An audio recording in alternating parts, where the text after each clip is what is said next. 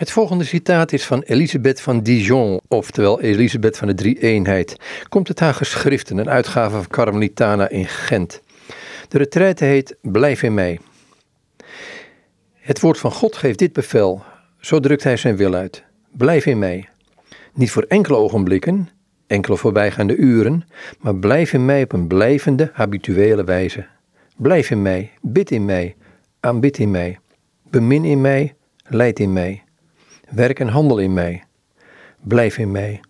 Wie of wat je ook ontmoet. Dring altijd dieper door in deze diepte. Daar is werkelijk de eenzaamheid waarheen God de ziel wil lokken om te spreken tot haar hart, zoals de profeet zingt in Hosea. Maar om dit geheimzinnige woord te horen moet je niet lang blijven stilstaan aan de oppervlakte. Langs de weg van de inkeer moet je steeds dieper binnentreden in Gods wezenheid. Ik eil vooruit, roept Sint Paulus uit. Langs dit pad van de afgrond, die God is, moeten we elke dag verder afdalen. Laten we ons in liefdevol vertrouwen langs deze helling afglijden. De ene afgrond roept de andere op, staat er in de psalm. Daar, helemaal in de diepte, zal de goddelijke ontmoeting plaatsvinden.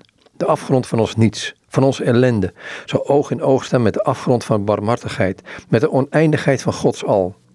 Daar zullen we de kracht putten om te sterven aan onszelf, ons eigen spoor zullen we bijster raken en omgevormd worden in de liefde.